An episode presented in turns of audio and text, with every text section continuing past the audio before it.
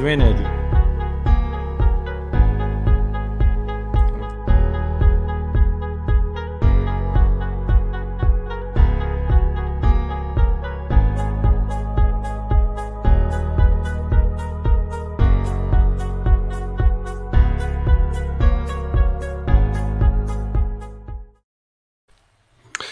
الأصدقاء والصديقات مرحبا بكم معنا في حلقة جديدة من البرنامج ديالنا الإخوان صفاري ديالنا باقلو. آه، الحلقة اليوم آه، نهضروا فيها على آه، الدولة القومية والحلقة ديال اليوم غادي تكون مدخل التاريخي باش نفهموا فيه شنو هو مشروع الدولة القومية منين جا إلى آخره.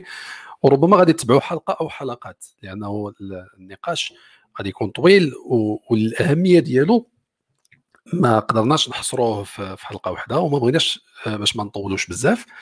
وغادي تبقى المسألة مفتوحة على حسب على حسب آه، آه، التطور ديال ديال النقاش وفين غادي وصلنا. فعلاش اختارينا هذا الموضوع بالذات؟ هذا الموضوع بعدا كان الاختيار ديال الصديق مهدي وأكد عليه بزاف لأنه حنا كنشوفوا حاليا شنو كيوقع في العالم العربي. الحالة ديال عدم الاستقرار العنيف اللي اللي كاينة في المنطقة. يعني نعطيو أمثلة بسيطة سوريا العراق لبنان ليبيا. يعني هذا التقسيمات اللي واقع هنا وهناك العنف الخطير اللي كاين في, في الشارع في العنف الخطير اللي كاين حتى في عند عند عند الناس عند عند الأفراد. آه، الحروب الأهلية بين قوسين اللي كاينة في العراق وداك الشيء اللي واقع في لبنان. هذا الشيء هذا كامل كيخلينا نطرحوا السؤال على واش آه، كاينة بصح مشروع ديال آه، دول قومية في المنطقة ولا ما كايناش؟ وواش آه، هذا المشروع هذا ديال الدول القومية في المنطقة ديالنا واش واش فشل ولا ولا, ولا لا؟ واش الفشل ديالو بسبب أن المشروع هو دخيل على العالم العربي؟ لأنه هو مرتبط ارتباط وثيق بالاستعمار. ما كانش مفهوم ديال الدولة القومية قبل ما يجي الاستعمار للمنطقه فغادي نحاولوا نهضروا على هاد هاد النقاط ونقاط أخرى آه، مع الإخوان آه، ديالنا. للأسف آه، خونا غسان ما ما حضرش معنا النهار عيان شوية فاعتذر على أنه يحضر.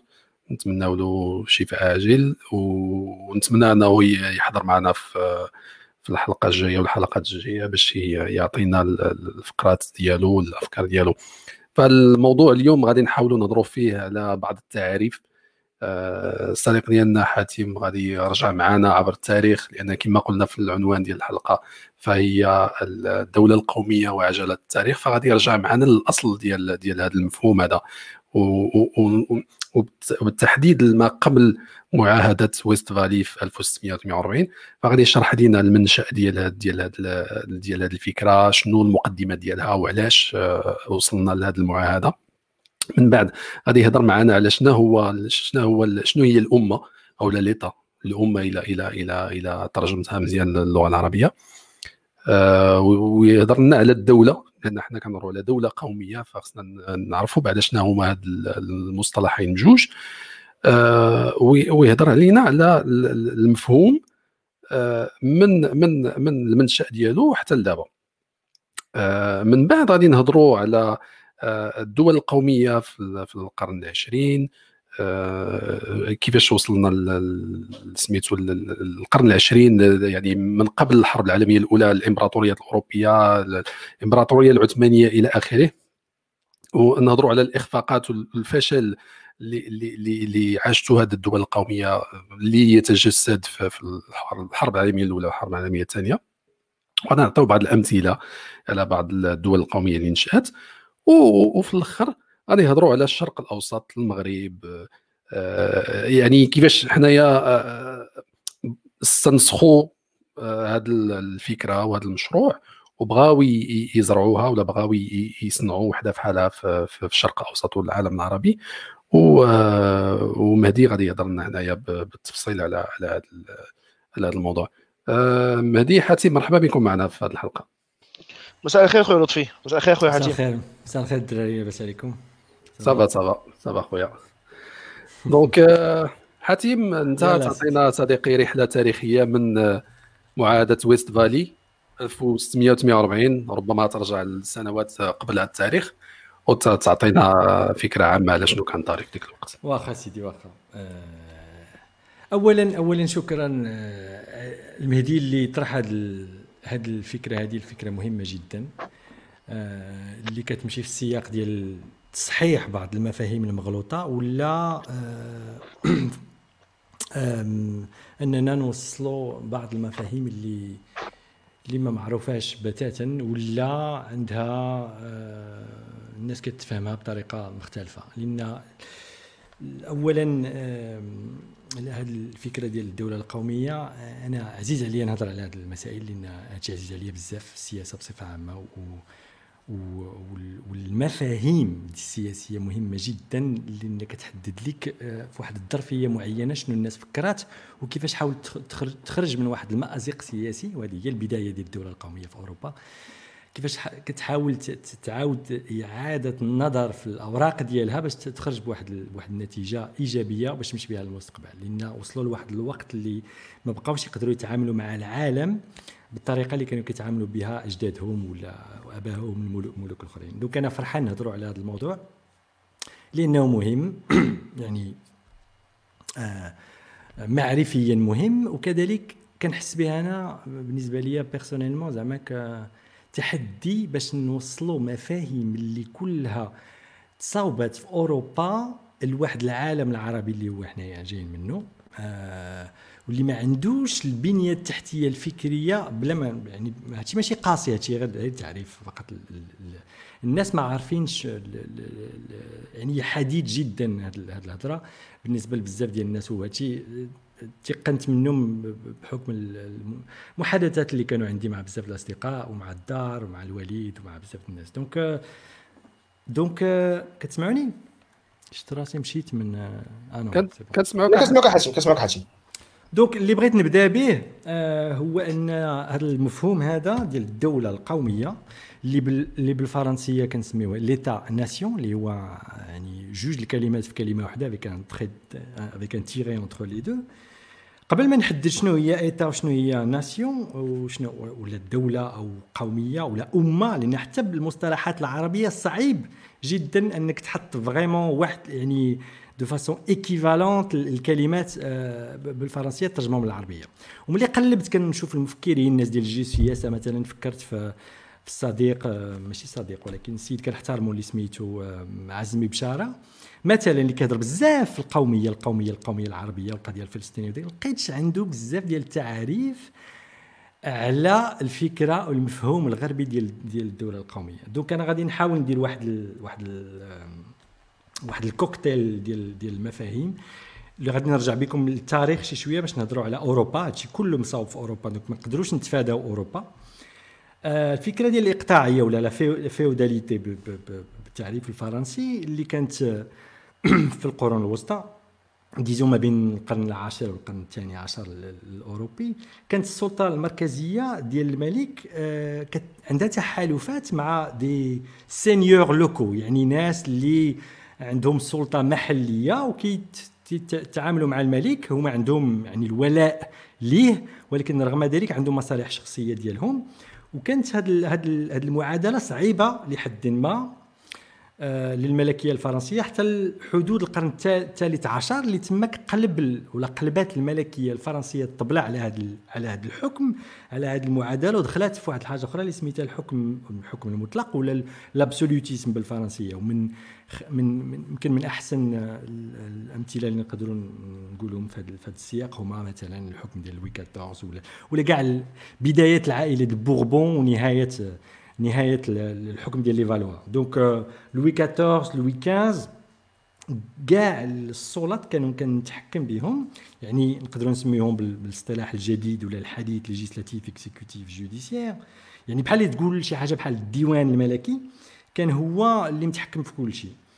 آه كان كيتسمى d'ailleurs le conseil d'en haut d'en haut conseil d'État اللي ولا دابا conseil d'État راه جاي من conseil d'en haut علاش d'en haut لأن apparemment هذوك الناس كانوا جالسين كاملين في l'étage الاولاني ديال le château de Versailles هذه غير على على على الجانب اللي بغيت نحدد في القضية ديال الحكم المطلق ولا l'absolutisme هو ان هذا السيد الملكيه ملي دارت هذا التدبير الجديد هذا آه، كان كان خصها تكون عندها une armée يعني يعني آه، جنود ديالها وطني ماشي وطني ديك الساعة ما كانش الفكرة ديال الوطنيه ولكن جنود ديال مثلا فرنسا اللي غادي تخلصهم بواحد la monnaie مثلا le franc ولا ما شنو كانوا كيخلصوا في ذاك الوقت. وكانت هذيك la monnaie خصها تكون آه nationale باش ما يجيوش الآخرين يمشيو ياخذوا monnaie من عند بريطانيا ولا من عند ألمانيا ولا من عند بلدان أخرين. donc عندنا l'armée عندنا la monnaie آه عندنا la justice يعني كانت كان خصو يحدد بعض ال بعض ال الأحكام باش باش الناس ما يتجاوزوهمش. ولهذا le système de la justice غادي يبدا تماك. آه وكذلك كان خصو يتعامل مع الناس الخارج. كان خص تكون عنده واحد الدبلوماسية باش يتفاهم مع الألمان مع مع إنجلترا مع كاع الناس اللي دايرين بين اللي دايرين بال royaume ديالو اللي كان كبير في ديك الوقت.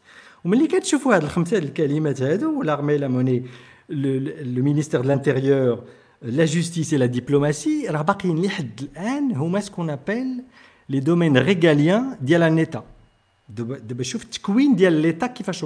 هذا هو هذه هي الدولة الحقيقية اللي تصنعت في ذاك الوقت. وكنحددها بالضبط فرنسا. فرنسا كانت مهمة في في في, في تحديد هذه المفاهيم هادو وفي صناعتهم حقيقة على أرض الواقع. donc أهمية فرنسا في هذه الهضره كاملة ما ماشي أنا اللي درتها هكاك لأن هذه هذه الحقيقة ديال التاريخ الأوروبي. donc ملي كتشوف هاد الخمسة ديال الخمسة ديال النقاط هما بالضبط آه، الركائز الأساسية ديال الدولة الحديثة ولا اللي حد الآن كنتعاملوا بها وكيقولوها ministères régaliens ولا ولا ministères ماشي régaliens donc vraiment يعني الحكم الاستبدادي أو المطلق والنتائج اللي كانت آه، واحد الوقت غادي تولي سيئة ديالو على أرض الواقع. زائد العامل الديني اللي هو عامل مهم جدا آه، في ذيك الوقت آه، فرنسا واوروبا بصفة عامة كانت تقسمات مقسومة ما بين les protestants و les catholiques.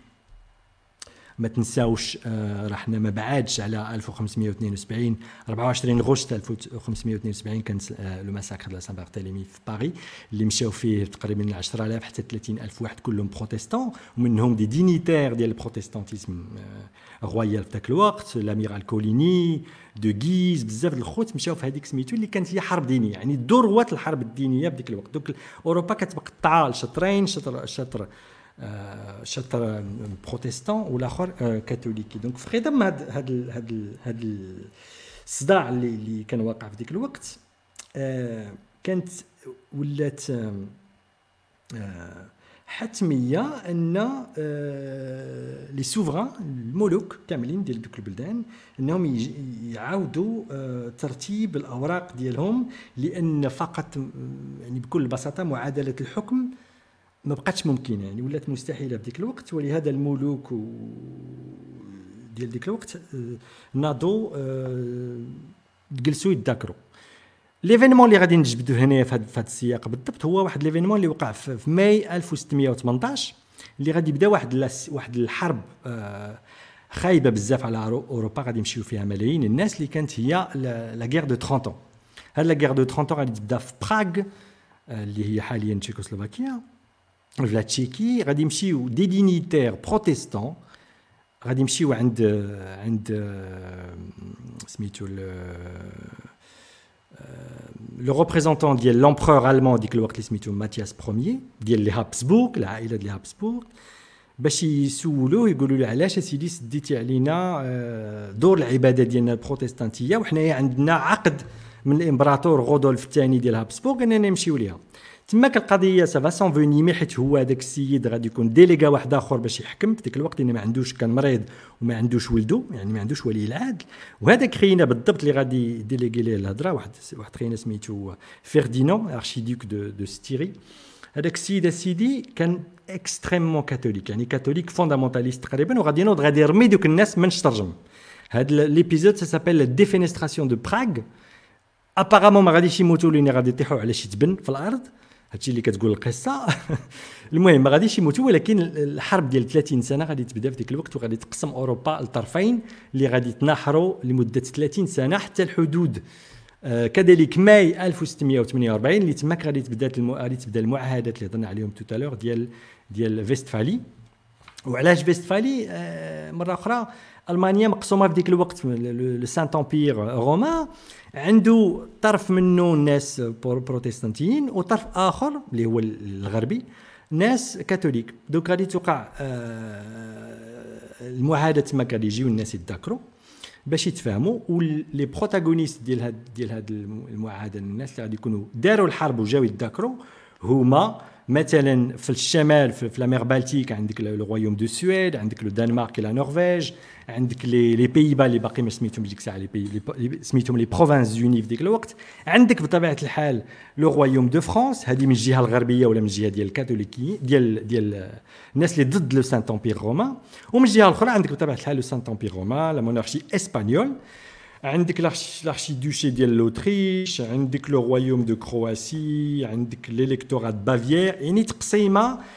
تخربيقات زربيقه اللي عندها آه نتائج وخيمة جدا على أرض الواقع في أوروبا ديال ديك الوقت. donc هاد المعاهدات ديال Westphalie كانوا مهمين جدا باش يحددوا المعادلة الجديدة باش هاد الناس كاملين اللي عندهم مصالح مختلفة يقدروا يتصوروا واحد المستقبل جديد ويديروا ويديروا شي حاجة مزيانة.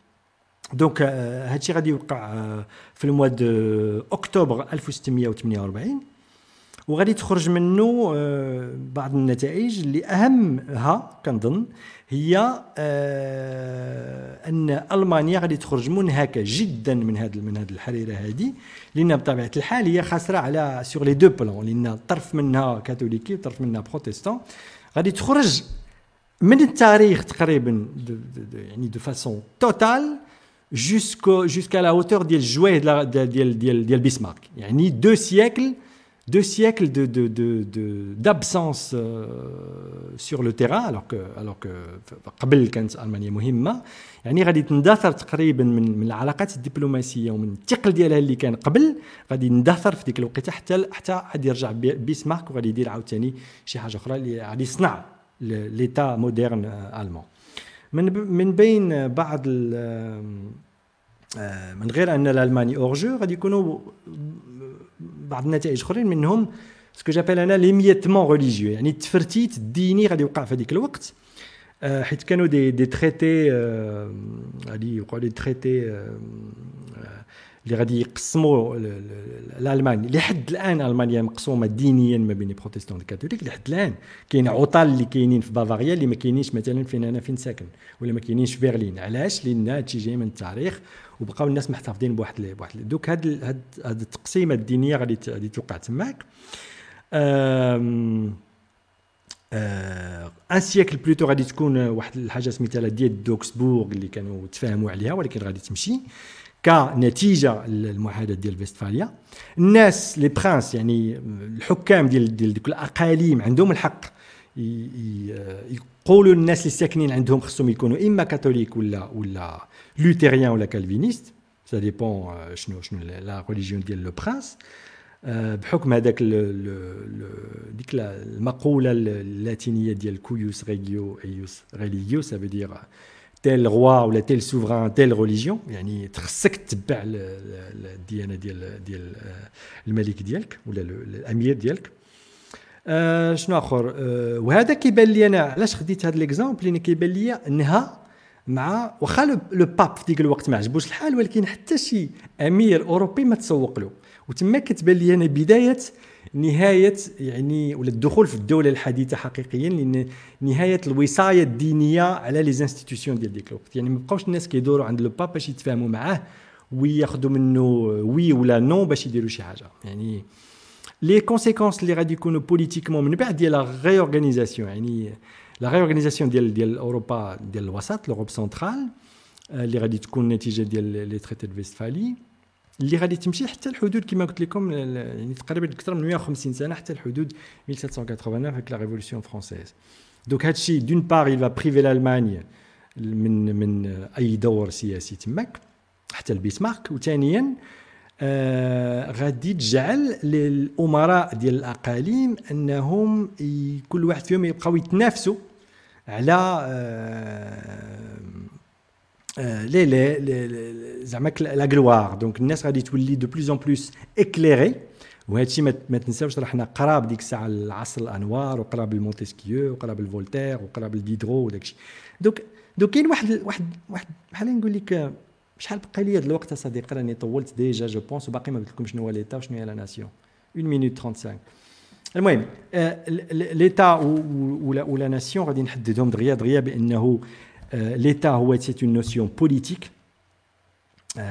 politique et juridique يعني عندها علاقة بالسياسة وبالقانون و la nation عندها علاقة بالهوية ب l'identité يعني la nation الناس مجموعين في واحد البلاصة كيأمنوا بنفس الحوايج عندهم نفس العادات كيهضروا نفس اللغة جالسين في واحد le territoire donc ملي كتحدد هاد هاد المكونات هذه تقدر ديك الساعة تهضر على nation المشكل اللي غادي تطرح في هذه المعادلة ما بين nation و État هو واش يعني واش l'État هو اللي خلق la nation ولا la nation اللي غادي تخلق l'État ديما كنرجعوا لديك la dualité ديك الثنائية ديال de de de de la poule و de l'œuf toutefois donc شكون اللي خلق شكون؟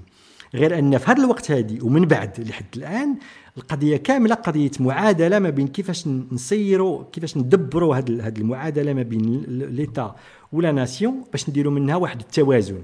وتماك فين هذاك التوازن؟ بعض المرات كيتقل وبعض المرات كيخدم وهادو هما التجارب اللي غادي يوريهم لنا التاريخ. من بعد وهذه je pense الجزء الثاني اللي غادي نهضروا فيه avec des exemples précis على هاد التجارب اللي كانوا في أوروبا في ديك الوقت ما بين l'État la nation و le concept مجموع ديال l'État-nation donc voilà donc je pense à peu près هادشي اللي بغيت نقول لكم pour l'instant من بعد نزيدو نزيدو نهضروا بالتدقيق من بعد.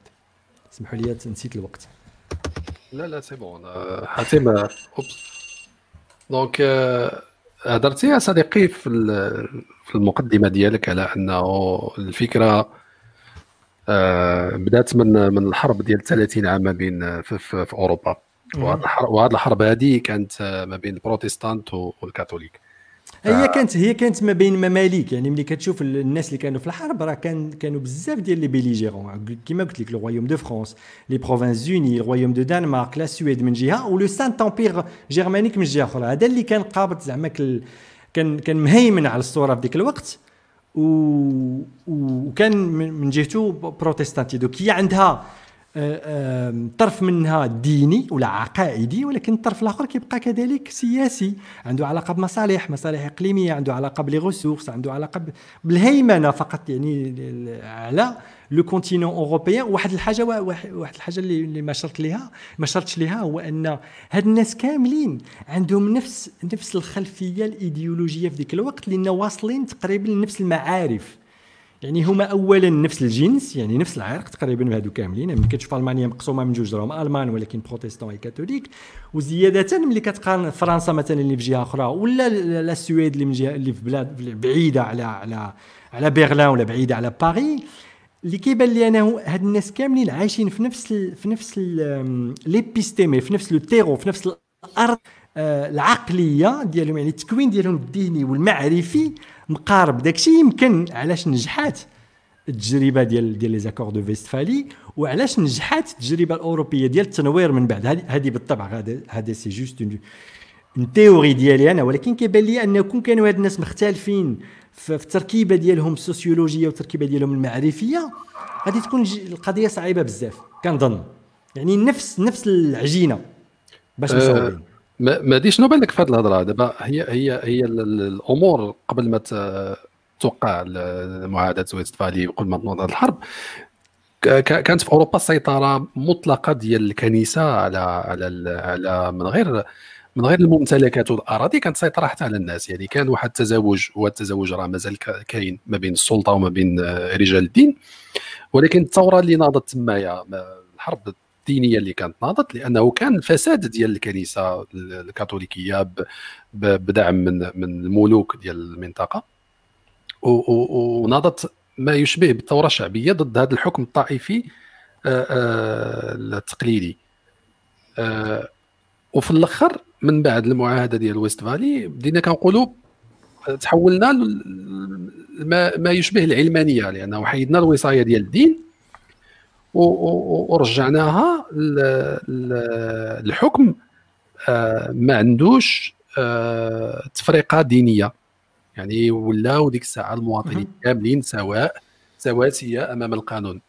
لا ماشي سواسيه أمام القانون. لأن ديك الساعة باقي ما نهضروش vraiment على قانون ولا. كاين الدين موجود ولكن لي بخيلا كاينين. يعني السلطة الدينية كاينة ولكن بحال لي سلطة بحال لي سبع ما بقاش عنده الظفار فهمتيني؟ تماما. déjà في ذيك الوقت قبل ما نوصلوا vraiment أننا نشق نحيدوا الوصاية الدينية 100% وهذه كتبان لي أنا هي الخدمة ديال la révolution française 1789 donc راه هادشي البدايات ديال l'État moderne والبدايات ديال الاندثار الديني اللي غادي يولي من بعد. غير آه سميت كان سميت توقوسي ما غاديش يبقى عنده ذاك الحكم اللي كان عنده زمان. وحتى في هذه الظرفية هذه واش كتظن انت بلي لوي 14 كان مسوق للدين لوي 14 راه تخلق في 43 يعني خمس سنين قبل من من هذه المعاهدة هو اللي غادي ياخذ الحكم من بعد من مور la régence. donc هاد الناس ما, ما كيبانوليش أنا زعما مسوقين كثير للدين؟ لأن عاقوا بأن القضية قضية مصالح قضية جغرافية قضية استراتيجية قضية سياسة.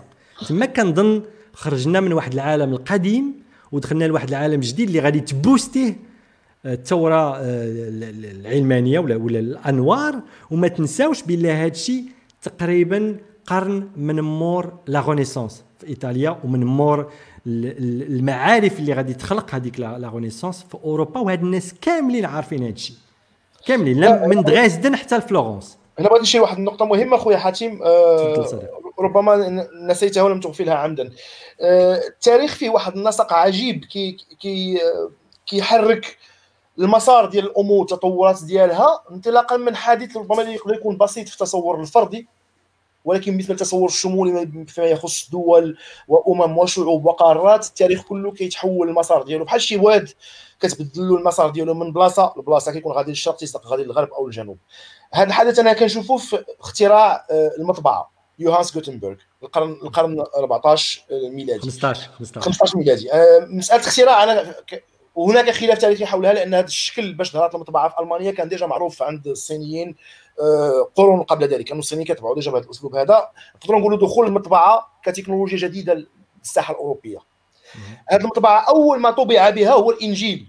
تعرفوا بلي الإنجيل قبل ما يتم طبعه هذه المطبعة هذه كان محصور الملكية ديالو عند الرهبان والقسيسين في الكنائس لأنه كان اولا لم يكن مكتوبا باللغات المحلية ديال الدول أو ديال العرقيات التي تتعايش في أوروبا بل مكتوب عادة إما باليونانية القديمة أو باللاتينية وهي لغات نخبوية الناس العامة ما كيعرفوهاش ما كيتعلموهاش بينما هي يتم تعلمها في الطقوس الكنسية.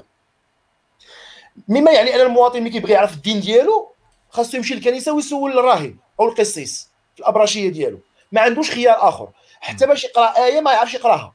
صفر من أصفار الإنجيل ما يعرفش يقراه دونك هو مرتبط دائما بعظه الأحد. عظه الأحد هي ما يقام صلاه الجمعه عند المسلمين أو صلاة الشباط عند اليهود. عظه الأحد خاص المواطن ضروري يمشي ويحضر لأنه ما يقدرش يعرف الدين ديالو أو التوجهات. اللي كتفرض عليه الكنيسه انطلاقا من الإنجيل مثلا ضرائب جديدة أو بنيات أخلاقية ومفاهيم أخلاقية جديدة أو أعياد جديدة أو طقوس جديدة غتضاف للعبادات. خاصو يمشي للكنيسه ويحضر ويسمع عظه الأحد والشخص الوحيد يقدر يعرفه بالإنجيل هو الراهب لأنه هو اللي كيعرف اللاتينيه أو اليونانية. هذا طبعا هذا الكتاب. طبع باللغات المحلية. وبدأت ترجمته.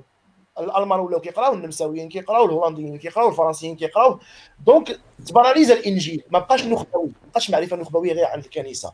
هنا الكنيسة تم قص مخالبها في هذا ولكن ت banalisa بمارتن لوثر ماشي la première version ديالو في 1455 هذيك كانت باللاتينيه عاد جا من بعد خونا لوثر وديك الساعة هو قلب c'est vrai هذه القضية ديال مارتن لوثر ما نقدروش نتفاداوها أنا بغيت نحدد البدايه ديال الدولة الحديثه ولا الدولة القوميه من les accords de Westphalie لأن هذا اللي معترف به واللي كيبان لي أنا مهم تاريخيا ولكن ولكن الجذور صديقي الجذور راهم تقدر ترجعهم حتى تقدر ترجعهم حتى كما قلتي مثلا مثلا آه، مثلا هذه l'impression la Bible oui bien sûr. exact لأن المواطن الأول وحده ولا ولا ولا كتاب باش كيعيش بالقوانين ديالو كيعيش بها وكتفرض عليه الكنيسه ولا متوافر بين يديه ويقدر يتساءل ويشك فيه ويناقشه وهذه بداية الأنوار الأولى. في واحد المستوى يمكن ال microscopique. هي عند الأفراد. لأول مرة أنا غنعاود نقرا القصص ديال الخروج ديال في العهد القديم ونقرا القصص ديال ديال الحواريين عيسى في العهد الجديد. ونشوف كل حواري شنو الموقف ديالو نفرق ما بين إنجيل متى وإنجيل لوقا وإنجيل يوحنا ونشوف الاختلافات. وهنا المفكرين اللي في الأساس كانوا رهبان يجب يجب تسطيح هذه المسألة هذه. يعني على مارتن لوثر لوثر الدور ديالو اللي مارس. أن المفكرين الاوائل الذين قاموا بهذا العمل لم يكونوا أفرادا عاديين في المجتمع. كانوا الأشخاص الذين عندهم أصلا سلطة التفكير لانهم هما في النخبة اللي هي عندها واحد العلم أو درايه معرفية بالعالم في تصوراتهم المختلفة. اللي هما الرهبان هادشي علاش التمرد الأول بدا من عند راهب. في الدرجة الأولى. نهار اللي السيد كتب البيان ديالو ولصقوا في الحيط ديال في الباب ديال الكنيسة. خدا نقطة خدا موقف ونقطة تحدي لسلطة الكنيسة. يعني voilà ها ما les doutes ديالي التصورات ديالي على المسيحية كيفاش كنشوفها أنا كشخص. عطيونا شنو كتقولوا فيها. أنا نرجعكم الشباب الميلاد ديال الدولة القومية في ويست فاليا لأن هذا واحد الحدث فارق خصنا نفصلوا فيه واحد شوية. دابا دابا دابا المعاهدة جات آه، أسست لينا l'État-nation واللي كانت كتعني أن مجموعة من الأعراق ولا أصحاب لغات متشابهة يتخذوا واحد الأرض ويديروا لها حدود وتولي دولة كتجمعهم. دابا هذا الشيء هذا كيبان ساهل ولكن راه كان صعيب بزاف. يعني الواحد ما خصوش يتخيل باللي راه صافي سيناو المعاهده وصافي الأمور تيسرات وكل شيء مشى ناجح اعطيونا أعطيونا شي نظرة تاريخية لا اولا اولا صديقي إلا بغيت نقدر نتدخل مهدي ولا ولا بغيتي لا vas-y حاسب c'est dans la suite اولا اولا صديقي أنا ما ما قلتش وهي وغادي وغادي تكون خطأ إلا قلتها أن المعاهدة ديال فيستفاليا حددت الدولة non المعاهدة ديال لأن المفهوم أنا غير بغيت نوضح للناس اللي كيتسمعوا زعما باللي هضرتي على معاهدة Westphalie لأن كان الوقت محدود. فراه ماشي صافي قلبنا قلبنا الصفحة وبدينا عهد جديد. راه عاوتاني دزنا في مخاض أخر. exactement بعد 1648 هضر لينا على المخاض اللي جا après باش وتقدر تهضر علينا حتى مثلا آه، إلى خدينا فرنسا كنموذج حتى الجمهورية الأولى باش باش نشوفوا شنو طرا في هذه الفترة. راه ما كانتش الأمور سهلة كما يقدر يتخيل آه، شي واحد غادي يسمع الحلقة. ما كانش سهلة بتاتا لأن هذوك الناس داروا داروا داروا معاهدة باش يتفقوا على شكون يقطع شكون وشكون اللي يربح شكون في ديك أوروبا. اللي خرج منه رابح في هذيك المعاهدة هو السويد في الشمال في la Baltique. وفرنسا في الوسط. اللي فرنسا اللي غادي ما تنساوش راه حنا في 1648 كما قلت لكم لوي 14 ها هو جاي وغادي ندخلوا من بعد شوية le siècle الفرنسي يعني الثامن عشر. يعني le siècle اللي غادي تهيمن فيه فرنسا يعني على أوروبا بصفة آه كبيرة جدا. دوك جوج الناس ربحوا وهادشي علاش دخلوا لذاك الصراع. على اسبانيا اسبانيا مثلا مشات كت اسبانيا هي كاثوليكية ولكن مشات كتعاون الخوت ديال لومبير ديال ديال ديال الجهة الأخرى. وفرنسا اللي كاثوليكية مشات كتعاون الأخرين حيت آه، باغا تسالم عليها هابسبورغ. دوك دوك القضية كلها قضية مصالح إقليمية وهيمنة مستقبلية اللي جاية ونجحات كما قلت لكم نجحت لفرنسا والسويد.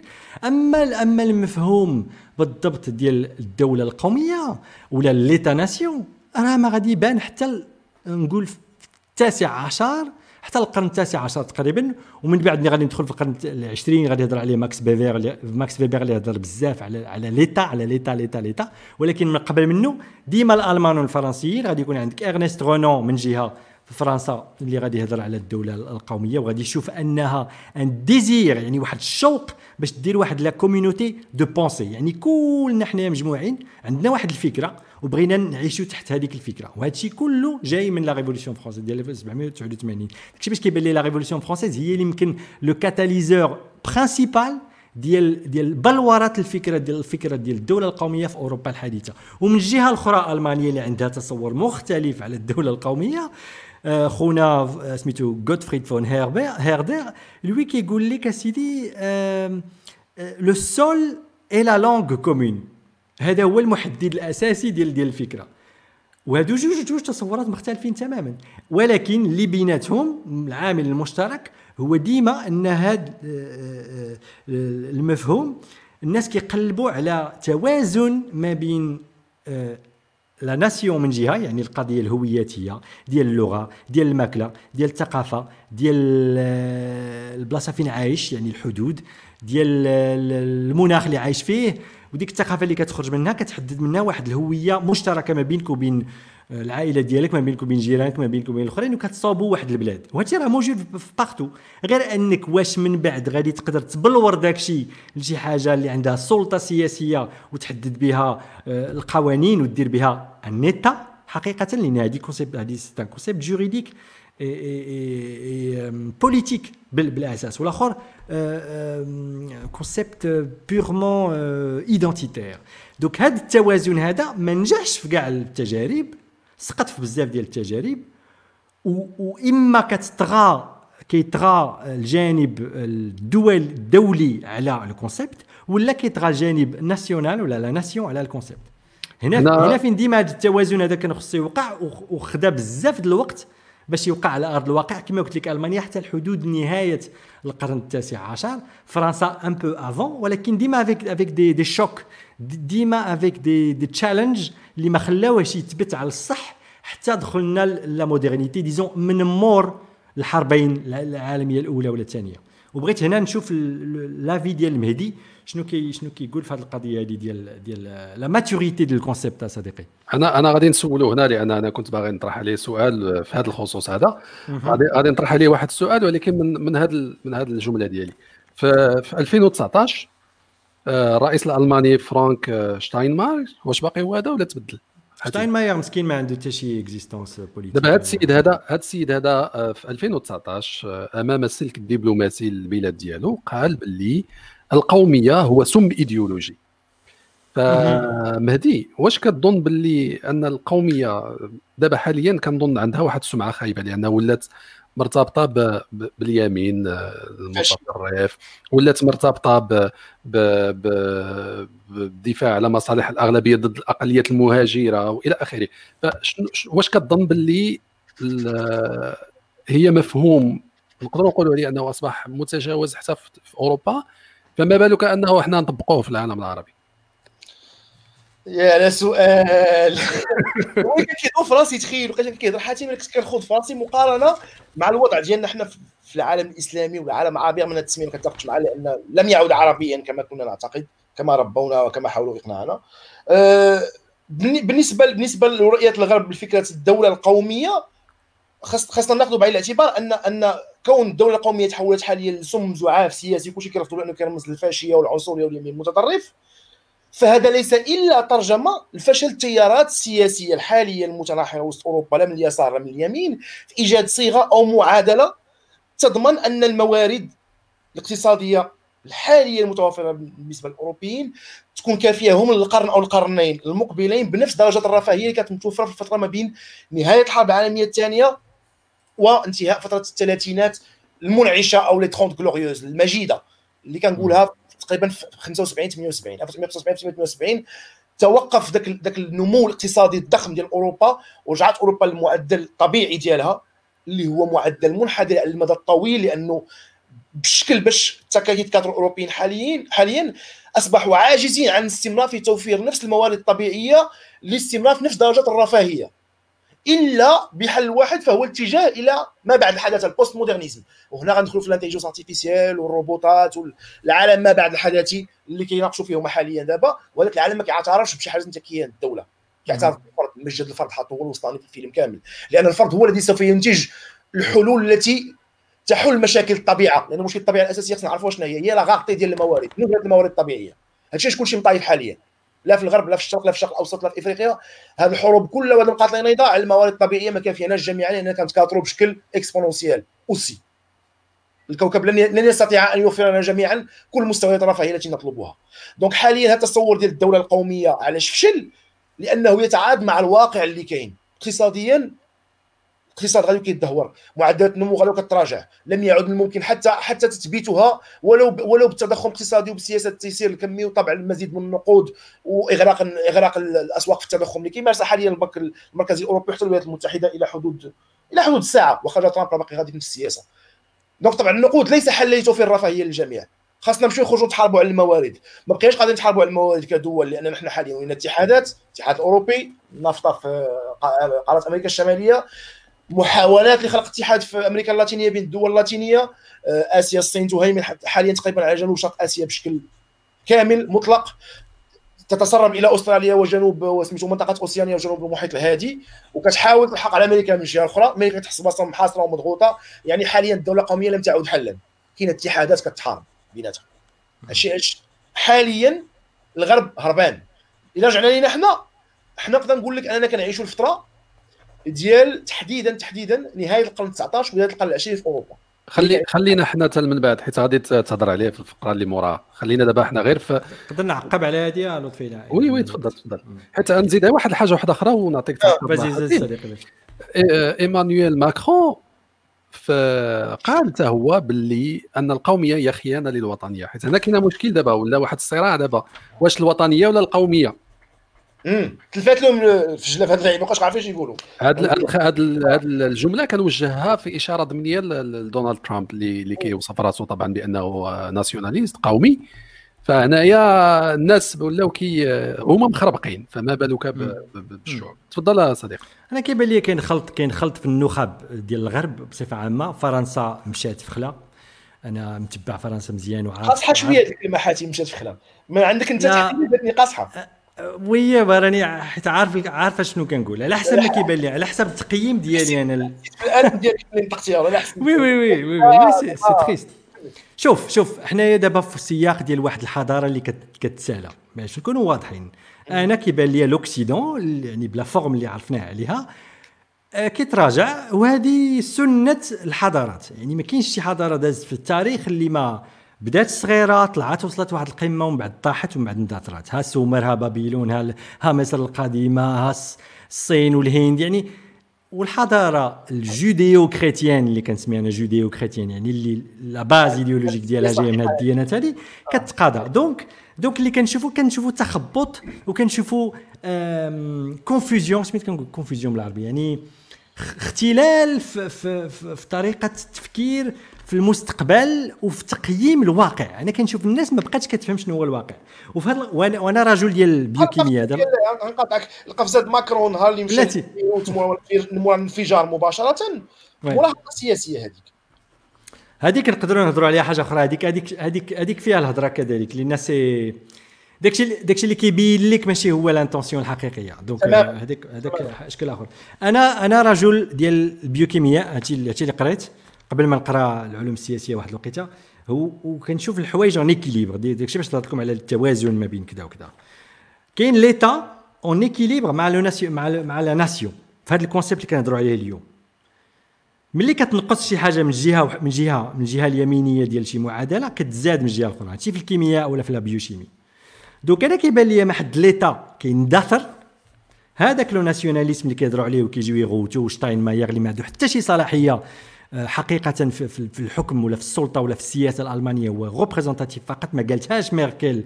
قالها شتاينماير هذه عاوتاني آه، علاش قالها شتاينماير وما قالتهاش ميركل؟ ميركل عندها صلاحية أنها تقول جمل من هذا الثقل.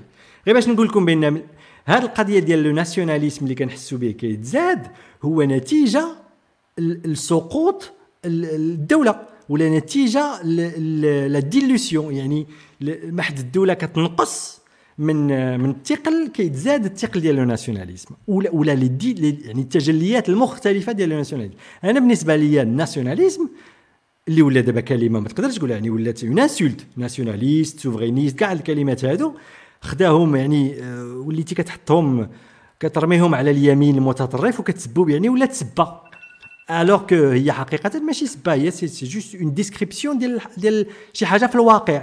donc أنا اللي كيبان ليا l'État كيطيح علاش كيطيح تماك غادي ندخلوا في العولمه غادي ندخلوا في les institutions supra étatiques مثلا l'Union européenne اللي حيدات بحكم أن الناس ديال ديال يعني الحكام ديال l'Union européenne عطاو هذيك السيادة ولا عطاو طرف من السيادة ديالهم في الأول في les accords Maastricht حتى اليوم.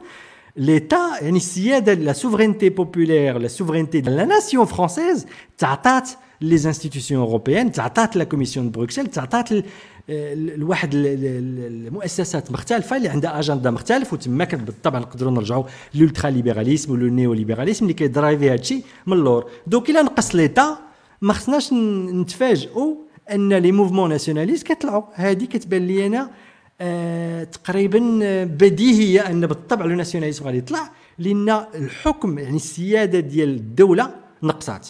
donc خاص هذا l'équilibre يوقع d'une façon d'une autre ولهذا كتزاد la dose ديال الـ nationalisme. هذه هذا هو التفكير ديالي في هذا هذا في اطار التوازن السياسي قصدت يا خويا حاتم لأن التوازن السياسي يفرض أن الفراغ غير مقبول فبالتالي طاحت شوية آه، سميتو صلاحيات الدولة اليمين غادي غادي غادي سوف يتم استثارته للتدخل للحفاظ علاش كيتسمى محافظين للحفاظ على ما تبقى من هي من, من هيبة الدولة. ولكن السؤال الأعمق اللي عندي أنا النيوليبراليين حاليا اللي كيدفعوا ناحيه ناحية أن أن الـ corporate الشركات الضخمة هي اللي تكون كتمثل السلطة السياسية المطلقة وهي تحدد القوانين بما يناسب مصلحتها باش نطلقوا لها لما أنها تمشي نطلقوا لها الطريق أنها تمشي في إطار تطور التكنولوجيا زعما تهرب بنا تكنولوجيا نحو الذكاء الصناعي ونحو الـ AI ونحو ما بعد الحداثة.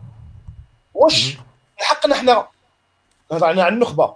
من حق المفكرين مثلا أو الأشخاص اللي وضعوا التصورات السياسية حاليا أنهم يقرروا أنهم يسلموا البشرية ككل كلها فهمتي بربطة المعلم package رزمه ويشدوا الـ corporate بحيث أننا نتحولوا كاملين sans exception إما المنتجين إما مستهلكين إما معا. ولا ما كنتيش منتج وكنتي مستهلك فأنت طفيلي يجب أن تختفي. d'accord ولا كنتي منتج فطبيعي تكون مستهلك. يعني حتى المعادلة التي سوف تنتج عن هذا العالم هي مرعبة هي ديستوبيا بصراحة هي مرعبة جدا. ما نقدرش أنا نتخيلها هادشي هادشي كيمشي في السياق ديال زعما الـ modèle الـ modèle westphalien اللي كنسمي l'État-nation westphalien هاد الصيغة هادي صافي. انتهت الصلاحية ديالها. كنظن أنها انتهت لأن لأن كاين دولة فوق الدولة ولا دول فوق الدولة. أنا كنسميهم هادشي كيبان لك غادي يقدر يبان لك ماركسي ولا أنا ما ماركسي ما, والو. يعني هادشي غير فقط كنقرا فقط الواقع. ملي كنشوف شكون اللي كي driver آه، يعني شكون اللي كيدفع شكون اللي كيصاوب شكون اللي كيحفز السياسات ديال الدول في الغرب مثلا. البلدان اللي كنعرفوهم في ألمانيا فرنسا اللي حنا عايشين فيهم مثلا كتلقى بأن هاد les institutions qui sont pas des émanations du peuple يعني حتى واحد ما انتخب الناس ديال la Commission européenne وهاد الناس بالضبط هما اللي كيقولوا لك آه شحال الثمن ديال ديال المطيشة شحال le diamètre ديال البطاطا خصو يكون oui فعلا donc donc la nation بالجزء ديالها ديال الهوياتي ولا ديال حنايا عايشين في ثقافة وحدة وكنآمنوا بنفس الحوايج وكناكلوا نفس الحوايج يعني ديك ديك la composante ديال l'État-nation اللي هي la nation اللي درت عليها قلت لك tout à l'heure هوياتية. ولات كت... ولات ولات ولات ما بقاش عندها ما بقاش عندها وجود على أرض الواقع لأن هاد الناس غيروا غيروا التركيبة. ولا تغيرت التركيبة فما بقاش ديك الساعة نهضروا على État-nation نهضروا على l'État post-nation ولا post État-nation ولا شي حاجة أخرى.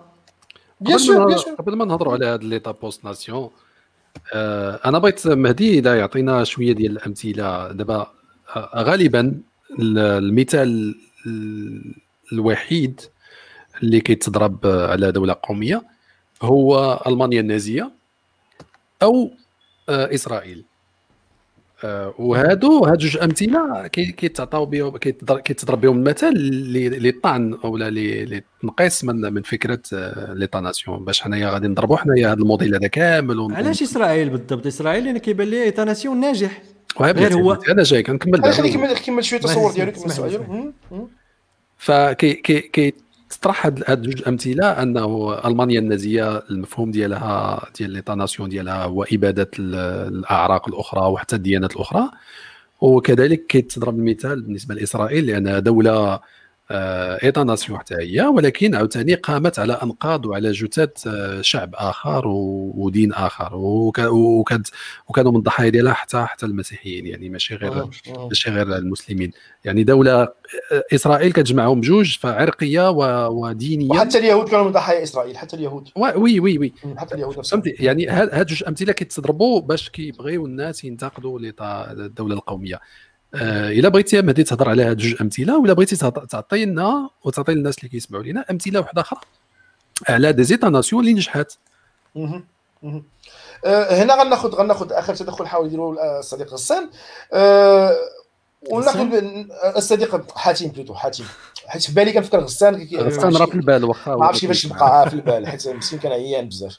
أه سميتو مساله مسألة إسرائيل علاش كتخاد راه غير من المنظور العربي عندنا. حنا كناخذوها كشر مطلقة باش نكونوا واضحين. لأن إسرائيل من المنظور العالم ككل ومن منظور الغرب تحديدا والعالم ككل راها دولة ناجحة 100% مليار بالمئة. علاش؟ parce que إقامة إسرائيل بزاف الناس كينساو ان ان من أقاموا إسرائيل راهم نخبة المجتمعات اليهودية اللي طحنتها النازية في أوروبا الشرقية وأوروبا الوسطى اللي هما رواد الصهيونية الأولى تيودور هيرتزل راهم النخبة الفكرية ديال المجتمع اليهودي اللي خلقات فكرة القومية اليهودية. يعني نهار اللي خلقت ديك القومية اليهودية راه استنبطتها بواحد التصور غربي بالدرجة الأولى. ماشي تصور شرقي أو تصور يهودي متدين. مؤسس الحركة الصهيونية تيودور هيرتزل كان مشهورا بإلحاده. وكاع المؤسسين ديال الآباء المؤسسين إسرائيل لا بن غوريون لا شامير لا كلهم كانوا من من من الصهاينة الملحدين ناس غير مؤمنين لا يؤمنون بوجود الله لا يؤمنون بالديانة اليهودية. ومع ذلك جولدا ماير مثلا ومع ذلك استخدموا الأساطير والقصص التوراتية من العهد القديم لتبرير ما قاموا به سياسيا وهذه حركة براغماتية واضحة في السياسة ومقبولة تماما. حتى يجي يقول لي راه غير مشروعه لأن إحنا العرب قمنا بنفس الشيء في القومية العربية. هذا باب آخر. وقاموا دولة بتمثل وتصور غربي. ما تمثل تصور غربي؟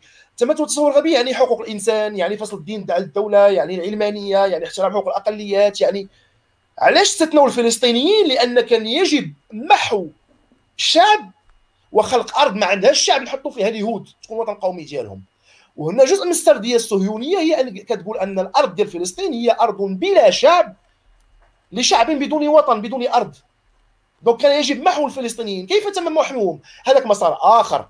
تعاون سميتو الحركه الصهيونيه الوكالة اليهودية مع الإمبراطورية العثمانية مع السلاطين العثمانيين مع التاج البريطاني وعهد بلفور مع روسيا مع المهم نسق تاريخي آخر اللي سمح بإقامة إسرائيل. ولكن من منظور العالم إسرائيل دولة مثالية ناجحة. هناك ديمقراطية هناك علمانية هناك تبادل السلطات هناك تعدد حزبي احترام الأقليات. ما عدا الفلسطينيين لأن السرديه مختلفة. من ناحية إقامة إسرائيل خاص تكون عنصرية العنصرية حاليا خصها تكون مستمرة عند الإسرائيليين باش يقدروا يثبتوا قومية الوطن اليهودي راه باقي ما مثبوتاش راه باقي في حالة عداء مطلقة مع المحيط ديالهم. donc غادي يبقاو عنصريين مع الفلسطينيين إلى إلى مستقبل آه، قريب على الحركة ديال ديال ديال ديال التطبيع اللي غادي حاليا مع الدول العربية. donc تصور اللي بعد نحن على دولة قومية أن مثال هو إسرائيل راه حنا عرب. إسرائيل تم إقامتها رغم انفنا وسط منطقه وسط الدول العربية بزز بالقصة التي نعرفها جميعا. هذا من جهة.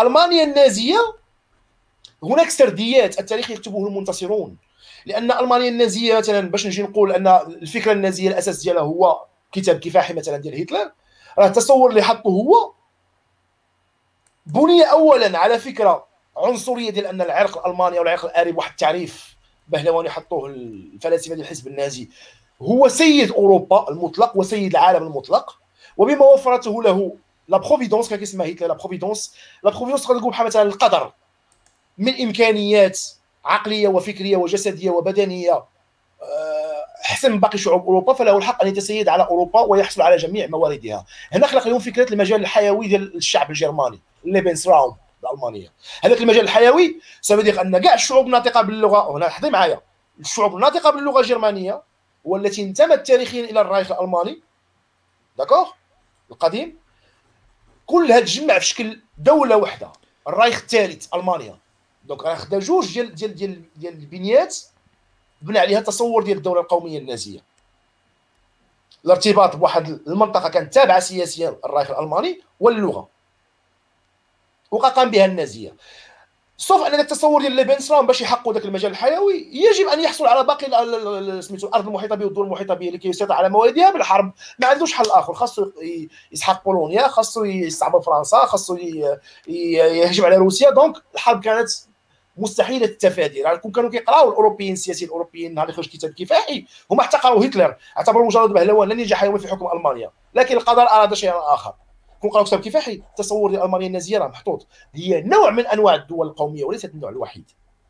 دونك حاليا اليسار كيصور على أن كاع الدول القومية راها تصور ديال النازية أو ديال الفاشية أو الدولة اليمنية المتطرفه العنصريه اللي غتبيد الشعوب المحيطه بها. وهذه كذبة مشهورة ديال اليساريين. يجب تفنيدها. النازية أو الدولة الفاشية هي نوع من أنواع الدول القومية. ماشي فقط الدولة القومية ككل. حتيم عندك شيء إضافة مزيان. في مزيان مزيان مزيان هذا مزيان هذه الإشارة اولا اسرائيل آه بالطبع تجربة ناجحة. أنا كنرجع ديما ليكيليبر اللي عندي. إيتا قدام ناسيون. ناسيون موجودة.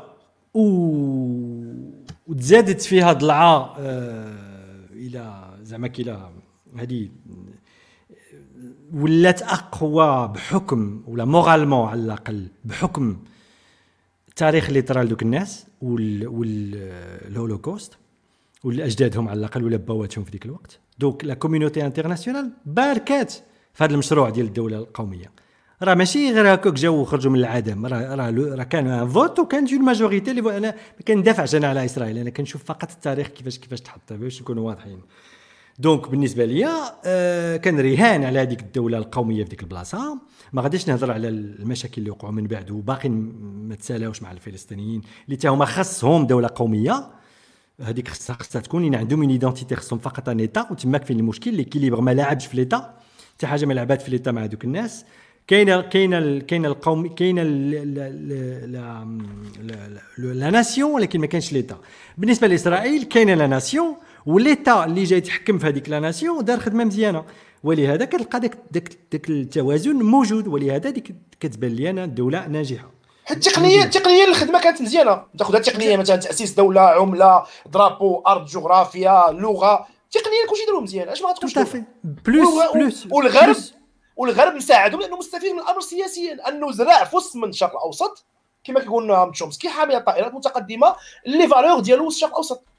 هذه هذه هي البراغماتية السياسية وهذه بالضبط هذه هذه المعادلات بالضبط ولا التفكير ديال هاد الناس ملي كانوا كيصاوبوا هذه الأفكار هو بالضبط التفكير ديال الناس اللي كانوا كيديروا المعادله ديال فيستفاليا في ذاك الوقت تماما. 648 باش نكونوا واضحين راه الإنسان ما كيتغيرش كثير وهذا الشيء اللي اللي وقع في 1648 راه قريب جدا للصوره الحالية ديال هاد الدولات اللي اللي تخلقوا.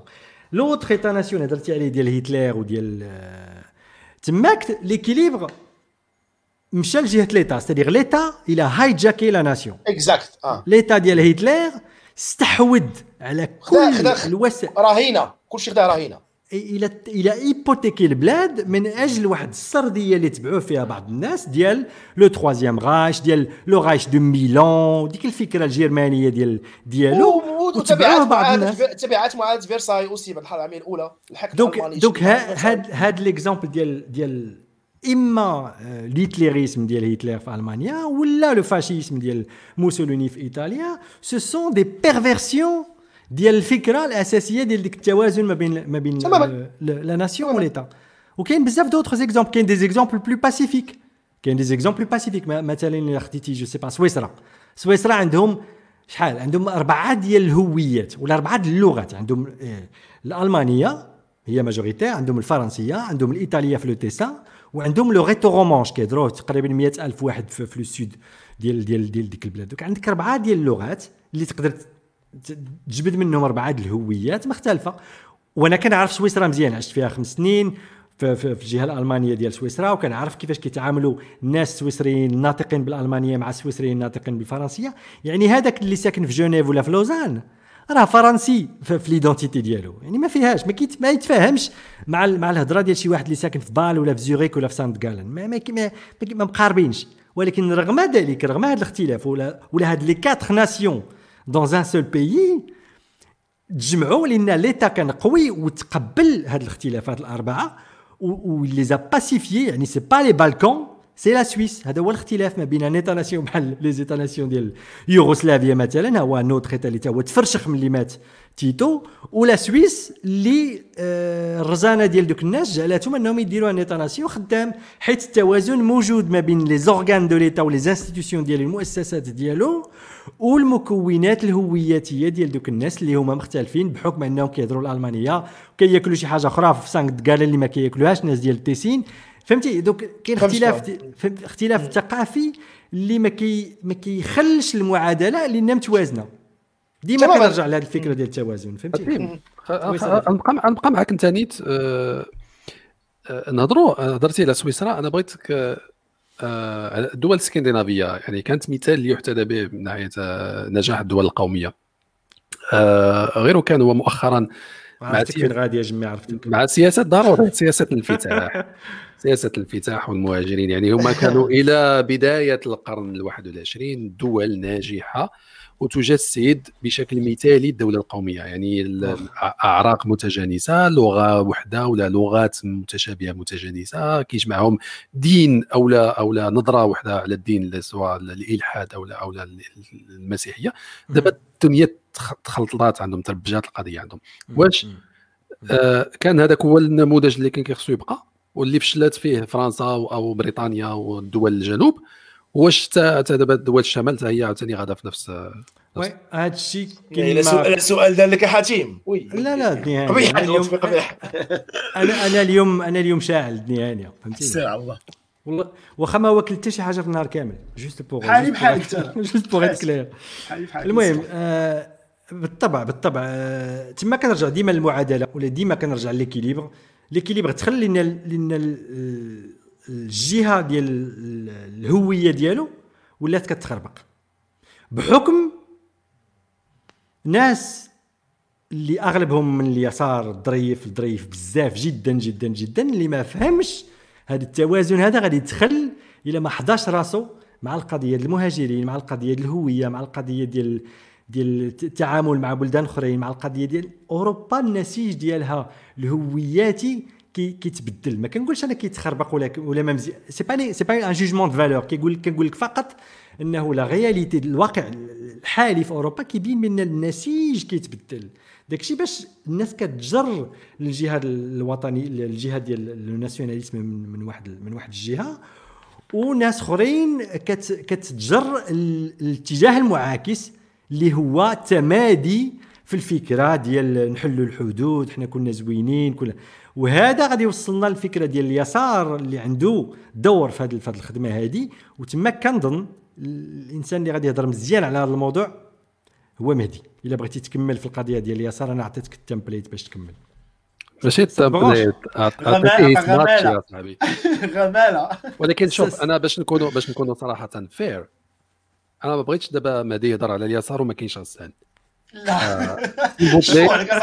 فرصتي غتحيدها لي اني أني نشرح لي يسار ما كاينش لا حيت عرفتي باش باش نديروش حنا حنا راك عارفين حنا آه، يهضر يهضر لنا بلا ما بلا ما y'attaquer اليسار بزاف فهمتي؟ لا لا ماشي باش نعطيك اليسار لا je rigole je rigole. كلشي عارف تقريبا الموقف ديالي من اليسار surtout الشيء كيكتبوا في الفيسبوك. ولكن ما ندخلش في التفاصيل هذه. ما, ما أريد الحديث عنه هو ان أن أن اليسار آه، ما تقبلش كونه قد فشل بالمطلق نهار نهار الاتحاد السوفيتي. ما تقبلش هذه المسألة هذه باش نكونوا واضحين. خلينا في أوروبا مهدي ياك ما نمشيو في أوروبا لا في أوروبا لا كنهضر في أوروبا لا كنهضر في أوروبا لا كنهضر في أوروبا. لقيت اليسار نهار الاتحاد السوفيتي وبدات بدات أولى التمظهرات ديال الاتحاد الأوروبي كيفاش غادي يكون ظهرات معاهده ماستريخ واتفاقيه لشبونة بدات الأمور كتاخذ الكاط بدات الأمور كتاخذ كتاخذ الشكل ديالها. اليسار تغفل. العربية تعرف ما عرفش راسو أشنو التوجه غادي ياخذ واش يبقى وفي الإرث القديم ديالو اللي هو بني عليه اللي هو يسار الإنساني الذي وجد لكي يدافع عن عن الإنسان ضد كل أشكال غياب العدالة والظلم والحقرة اللي كان كيعيش الإنسان في العصور المظلمة. أو لا مضطر انه يحيي الجلدة ديالو ويلبس جلدة أخرى جديدة. سورتو أن باقي أنظمة اليسار اللي كاينة في العالم حتى هي فشلت بشكل أو بآخر أو اعاده قراءة الوضع واعاده التموقع بشكل يناسبها بحال الشكل ديال الصين مثلا. اليسار الأوروبي شنو وقع له؟ فجأة لقاسو أنه مضطر أنه يطلق قضايا الكادحين والفلاحين. علاش؟ لأن الاقتصاد كله خدا سميتو la marche forcée في طريق العولمة. غادي يبز منه في طريق العولمة. donc كاع ديك البنيات القديمة الاقتصاديه اللي كان قائم عليها. التفكير ديال اليسار في القضايا اللي كاينة على قبلها كلها تبدلات. donc حنا ما بقيناش كنواجهوا آه مشاكل محليه على المستوى الاقتصادي ولكن كنواجهوا مشاكل اقتصادية اللي عندها امتدادات عالمية التي نحن عاجزون عن تفسيرها وماخوذين لها بزمننا. يعني أنا باك d'une crise économique اللي كيبدا في في جنوب شرق آسيا حتى كيلقى أن أن سميتو الوزينات فرنسا سادين. كيفاش غدير له؟ donc هنا فين خطأ اليسار؟ أنه طلق هذا الشيء كله ومشى القضايا المجتمعية tout ce qui est sociétal القضايا المجتمعية اش يدير فيها هو؟ مشى بغى يحاول يدافع عن الفرد. ضد أعداء جدد خلقهم له هو. ومن تما بدينا كنقلبوا على العرق والهوية والتوجه الجنسي وال LGBTQ ولا كنهضروا على على الاقليات ديال الاقليات ديال الاقليات ديال الاقليات يجب الاعتراف بها ويجب أننا نهزوها نصعدوها للقمة ونديروا لها قوانين مناسبة لها وطلق القضايا المصيرية اللي الفرد الأوروبي فيها تخدا فيها مع الاتحاد الأوروبي. ولا شخص في في سميتو في les quartiers phocéens في مارسي في جنوب فرنسا كيتأثر بقرار اللي كياخذوا واحد في بروكسل اللي هو ما صوت عليه ما اختاروا ما شي حاجة. ولكن ال mécanismes ات كلها باش كيتاخذ داك القرار وكيأثر عليه. كتصب على داك السطات اللي كاين في مارسي كتكرفص يماه حتى باش يتاخذ رد فعل هو نهار اللي لبسوا السترات الصفراء وخرجوا كيغوتوا ضد ماكرون ضد ل l'Élysée وضد الحكومة الفرنسيه راه ماشي الحكومة الفرنسية هي الوحيدة المسؤولة عما يحدث في فرنسا. فهمتي ولا هنا فين اليسار فشل هرب من هذا المجال اللي هو الذي وجد من أجله اليسار اللي هو الدفع الإنسان العامل الفقير الكادح الفلاح الخادم كما يكون نوعه الشخص الذي يواجه العالم بكل مساوئه وشروره. وخاصو شكون يدعمه وشكون يعاونه ويوعيه ويفسر ليه ويدافع على حقوقه ويفسر ليه حتى حقوقه ويشرحها ليه خليتيه انت حاصل بين يدين العولمه وبين الكوربوريت ومشيت انت كتدافع على على على, على المثل الجنس وكتدافع على هنا ما كنقولش أنا ما خاصوش يدافع على المثل الجنسيه بالعكس أنا شخص الحريات الفردية عندي في مرتبة قداسه ما نقدرش نوصفها لأن بالنسبة لي أساس وجود الفرد هو الحرية الا ما كانش حر الماكلة والخبز والشراب واللبس وال consommation داكشي كله ما كيهمنيش كله ساقط لأنه ما هوش حر هو فقط عبد ديال في ديال شي واحد آخر ديال يستني وجار موراه الاساس هو ان ذاك الوقت تحديدا اللي العالم فيه بدا كيتم دفعه في la marche forcée اتجاه العولمة و surtout القارة العجوز القارة الأوروبية ما كانش خاص اليسار يطلق من القضايا المصيرية ويمشي يقلب على القضايا المجتمعية. آه مهدي صديقي اسمح لي نقاطعك باش ما نمشيوش آه. باش ما نهربوش اليسار دابا حنا عندنا واحد الحاجة نرجعوا للدولة القومية. هضرنا على Westphalie هضرنا على l'Europe هضرنا على على على زعما ضمنيا على الحروب العالمية الأولى والثانية. دابا بغيتك سيدي ترجعنا العرب في هذا الفيلم هذا كامل. واحد جوج الناس واحد سميتو سايكس واحد سميتو بيكو. داروا لنا داروا لنا المشاكل. داروا فعلا هما فعلا داروا المشاكل. داروا لنا جو سي با جو سي با أنا ما متفقش بداروا لنا مشاكل. je pense ما كانوش هذوك الناس كون راه عندكم 300 دولة عربية غادي نشوفوا نشوفوا نشوفوا اصبر اصبر حيت هما شوف هما ماشي غير داروا مشاكل. هما من جهة داروا مشاكل ومن جهة لقاو لقاو لقاو حلول لأن حتى التصورات ديال ال alternate history ملي كتحاول تفكر فيها العالم العربي كون ما كانش سايكس بيكو وما تمش تشكيل الدول العربية بالشكل اللي حنا فيه آه، السيناريوهات المقابلة ليست بالجميلة أيضا. بل مرعبة أكثر مما يحدث حاليا كما كان سايكس بيكو. فهذا هو هذا هو دابا النقطة اللي بغيتك تهضر لنا فيها أخي مهدي لأنه كما قلت أنا في المقدمة قلت باللي أن المفهوم ديال الدولة القومية ولا الوطنية هو مفهوم دخيل في العالم العربي. وهذا المفهوم هذا ارتبط الظهور ديالو بالاستعمار وملي كنقولوا الاستعمار كنقولوا معاهدة سايس بيكو. يعني قبل كانت عندنا مفهوم الدولة مفهوم القومية الإسلامية. تحت لواء الخلافة العثمانية ولا ولا أمجاد الخلافة البائدة زعما الإسلامية البائدة. كانت عندنا مفهوم ظهر لنا مفهوم القومية العربية. ف هضرنا صديقي على 1916 هضرنا على معاهدة سايكس بيكو. آه علاش؟ شنو طرا وراها وهضرنا حتى على الحقبة ديال الاستعمار. باش نشوفوا آه, آه، البداية ديال ديال فكره القومية في العالم العربي. okay صديقي. alors آه غادي نبدأ من الفترة ديال ديال آه سقوط الخلافة العثمانية تحديدا يعني الفترة ديال ديال منتصف العشرينات ديال ديال القرن العشرين.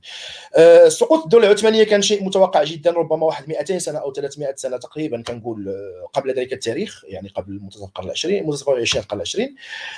كان متوقع جدا لأن كانوا يسمونه في أوروبا بالرجل المريض لأسباب موضوعية كثيرة. لا داعي للدخول فيها يمكن خاصها حلقات أخرى باش ندخلوا فيها. ولكن في المجمل كان الخطأ الأساسي اللي دارته الدولة العثمانية إنها دخلت في الحرب العالمية الأولى إلى جانب القوى المركزية الأوروبية يعني ألمانيا والامبراطوريه الهنغارية النمساوية وما إلى ذلك. donc دخلت كحليف مع ألمانيا في الحرب العالمية الأولى. هذا هو الخطأ الكارثي اللي دارته الخلافة العثمانية أنها ظنت أن بتحالفها مع ألمانيا سوف يتم القبول بما تبقى من الحكم العثماني في أوروبا يعني اليونان تيسالونيك بعض نسبة قليلة من دول البلقان صربيا كرواتيا وداك الشيء. سوف إذا انتصرت ألمانيا سوف يتم القبول بوجود دولة عثمانية ولن يسعى أحد من أوروبا إلى طرد العثمانيين من أوروبا. طمعا فيما سيأتي. يعني الخلافه العثمانيه بغت تستمر انها عضه في أوروبا بزز. بينما ما توقعته لم يحدث لأن ألمانيا انهزمت لأن الحلفاء كاملين ضربوا ضدها. وملي عزات ألمانيا فرنسا وبريطانيا على مواجهة ألمانيا بوحدهم دخلت الولايات المتحدة الأمريكية وقلبت المعادلة وبطبيعة الحال كانت الهزيمة ديال الحلفاء ألمانيا والامبراطوريه العثمانيه اللي وقع هو تم تقسيم الامبراطوريه العثمانيه وبالتالي تم تقسيم حتى ما ما خلفته هذه الخلافة. رغم أنه لم يبقى هناك شيء علاش؟ لأن في تقريبا في مع بداية القرن 19 بدأت الدول الأوروبية كت stabilisa en quelque sorte كيكون فيها شيء من الاستقرار السياسي وبالضبط تحديدا أورو سميتو أوروبا بالنسبة لفرنسا آه، نابليون فاش قرر يدير الحملة الفرنسية على مصر أنه يهجم على مصر ويأخذها.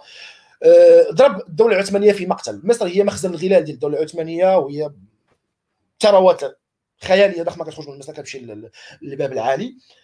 donc ضربوا في مقتل آه، تم بدات حاله الرجل المريض من بعد هاجم محمد علي وكذا بدون ما ندخل في التفاصيل. اللي كيهمنا هو أن في الفترة ديال منتصف 20 القرن العشرين الدول ديال اللي كانت كت سميتو plutôt الأراضي كانت كتشكل الخلافه العثمانية كلها تقسمات ما بين الاستعمار الأوروبي. يعني فرنسا خدات الجزائر آه، الخلافة العثمانية باعت إيطاليا باعت ليبيا لإيطاليا ب 10 ملايين جنيه ذهبي كنظن لا بقيت عاقل. donc ايطاليا سيطرت على ليبيا فرنسا سيطرت على تونس بريطانيا دخلت قبل ذلك التاريخ بكثير وسيطرت على على مصر وسيطرت على خليج عدن وعلى سلطنة عمان وعلى اليمن وفرضت تواجدها في شبه الجزيرة العربية ولو بشكل سري عبر إرسال مستشارين عسكريين للقبائل المتناحره هناك شريف علي آه، ديال مكه شريف علي حسين بن علي ديال مكة وال سعود. donc كانت أصلا الدولة العثمانية مشتته الوقيته اللي تشتت الدولة العثمانية بشكل نهائي بمعاداة لوزان وتم طرد الخليفة وإقامة الجمهورية التركية على يد مصطفى كمال بعد حرب الاستقلال الكبرى ديالو وبعد هزيمة اليونان فيها. الترك خرجوا من المعادلة خروجا نهائيا ولكن اطار ذاك الخروج في الحرب العالمية الأولى كانوا البريطانيين دخلوا الخليج العربي بهاد المستشارين ديالهم وكانوا المستشارين ديالهم موزعين ما بين آل سعود في واحد المنطقة في, في, في شرق الخليج العربي شرق السعودية تحديدا أه وما بين الحجاز وبقايا القبيلة الهاشمية اللي من نسل الرسول اللي كان على رأسها الشريف الحسين بن علي كيسموه شريف مكة à l'époque لأن كان مقر الحكم ديالو في مكة. مسيطر على الحجاز أو الجهة المطلة على البحر الأحمر من السعودية. donc البريطانيين خدموا هاد الناس بجوج ولكن surtout الأشخاص أو القبائل أو الجيوش اللي كانت متوفرة للشريف الحسين بن علي عبر آه، سير توماس ادوارد العميل البريطاني الشهير. اللي دخل عنده وجاب معاه السلاح ودرب الرجال ديالو باش يحاربوا التواجد العثماني أو التركي في الجزيره العربية في مكة وفي المدينة وفي في, في الطائف وفي الحجاز وفي فبدأت حرب عصابات على يد مدربين بريطانيين جابوا معاه لورونس كيسموا لورونس العرب أو لورونس العربي. وهذا الشيء عكس ما في الفيلم الهوليودي الشهير رغم أنه فيلم جيد جدا. دونك ساعدوهم باش يحاربوا العثمانيين تحت وعد تم إصداره عبر مراسلات ما بين ماك ماهون كنظن كان وزير الخارجية لبريطانيا وما بين الشريف حسين بن علي شريف مكة. يعد فيها أنه في حالة أن العرب ساعدوا بريطانيا على هزيمة العثمانيين وطردهم من الشرق الأوسط فسوف يتم منح الشريف الحسين بن علي السلطه على مطلقة على العالم العربي ابتداء من جنوب تركيا حتى وصولا حتى خليج عدن. يعني كاع الشام العراق سوريا الأردن الخليج العربي كله يكون تحت الملك ديال هذا الشريف الحسين بن علي وتشكل فيه الدولة العربية الكبرى المملكة العربية الكبرى. هذا هو الوعد البريطاني اللي كان. بينما ما تم جاو الشخصين الذين لا نذكرهم إلا عبر إلا بلعنهما. سايكس وبيكو. سايكس وبيكو هما شخص ضابط بريطاني وضابط آه، سميتو أوشو موظف فرنسي في وزارة الخارجية الضابط بتاعو كان موظف في وزارة الخارجية. التقاو في 1916 وداروا واحد ال agreement واحد الاتفاق بيناتهم. شدوا خريطة خريطة ديال منطقة الشرق الأوسط لأن بالنسبة لهم حال الدولة العثمانية منتهية صافي. الحرب العالميه الأولى غادا غادا تسالي فين ديال العثمانيين في المنطقة. donc بداو كيقسموا الأرض بيناتهم. alors جابوا مسطرة وجابوا ستيلو وبداو كيقطعوا في الدول العربية كما كتشوف الخريطة اللي معروضة دابا في الخلفية. يعني مسطره وستيلو حرفيا. لو لاحظتوا معي الحدود الممتدة مثلا ما بين السعودية والعراق الخط راه غادي مستقيم جدا. الحدود ما بين سوريا والعراق والأردن الخط مستقيم في واحد الجهة جدا. داكشي مسطر بالمسطرة. والخريطة على فكرة باقا موجودة يمكن كنظن في متحف واش في, في عمان أو في بغداد. ما بقيتش عاقل. الخريطة الأصلية باقا موجودة اللي سطروا فيها كنظن أنه في عمان. donc قسموا الدول العربية. علاش؟ لأن ملي غتنتهي الدولة العثمانية فهم أمام كائنات هلامية امام امام أمام كيانات plutôt هلاميه العرب كعرب لم يعرفوا فكرة الدولة القومية. كانوا تقريبا ربعة قرون وصرف وهما تحت سلطة الخلافة العثمانية. كيجاهدوا ويصليوا ويدعوا مع مع مع, السلطان مع مع الخليفة. وما كانش سميتو خليفة تحديدا. هذا خطأ شائع. شائع الاخوان المسلمين كيمارسوه في السرديات الهرائية ديالهم في الجزيرة وفي القنوات العربية وفي AJ Plus وفي ذاك سميتو المؤسسات ديالهم كيحكيو السرديات أن كاع السلاطين ديال الدولة العثمانية كانوا خلفاء ولم يكونوا كلهم خلفاء. الوحيد الذي دعا نفسه بخليفة كان هو السلطان عبد الحميد الثاني. في محاولة للتحايل على ما كان يحدث ديك الساعات وعجزوا عن إصلاح كيان الدولة العثمانية وفهموا أن المسألة انهارت وما بقى عنده فين يزيد القدام وأن الفيلم صافي قرب يسالي ادعى أنه خليفة المسلمين لكي يضمن تعاطف الشعوب معه. أما فيريديكمون شي سلطان عثماني ما راسو خليفة. لأنهم لم ما يقدروش يكونوا يسموا راسهم خليفة لأن الخلافه بالحديث النبوي الشريف صحيح جدا مشروطة الأمر في قريش حتى تقوم الساعة. واضحة خاص يكون خليفة ديال المسلمين من نسل قريش والا ما يكونش. donc هذه الكيانات العربية اش كانت؟ كانت عبارة عن قبائل. أقليات دينية متوزعة شيعة شيعة هنا سنة هنا كلدانيين هنا مسيحيين هنا آشور هنا فينيقيين هنا شراكسه أرمن أتراك هذا الخليط كله اللي كان كيموج تحت سيطرة الدولة العثمانية اللي كانت ناسية تماما وما مسوقاش ليه. كتستخدمه فقط كمصدر للضريبة والخراج. العثمانيين ما كانوا كيبنوا لا طرقات لا جسور لا مدارس لا أنظمة ري لا أنظمة صرف صحي لا أنظمة سقي لا كهرباء. هادشي كله باش كيديروا العثمانيين. كانوا كيبنوا الكراكون هو تسمية تركيا الكراكون هو الكوميسارية كيحطوا فيها دورية ديالهم وكيجمعوا بها الضرائب. فقط لا غير. donc كان لابد من سايكس وبيكو ما يريحوا ويحدوا واحد التصور هاد الكيانات الهلاميه باش يعرفوا مع كيتعاملوا مع كيهضروا. علاش؟ لأنهم كانوا عارفين ان ديك المنطقة كانت عون فوق البترول. هذه المسألة كانت معروفة من نهاية القرن 19 donc عارفين ديك المنطقة غينوض عليها الصداع لأنها غارقة سميتو البترول والتوجه ديال الاقتصاد العالمي ديك الساعات كله غادي نحو طاقة جاية من المحروقات.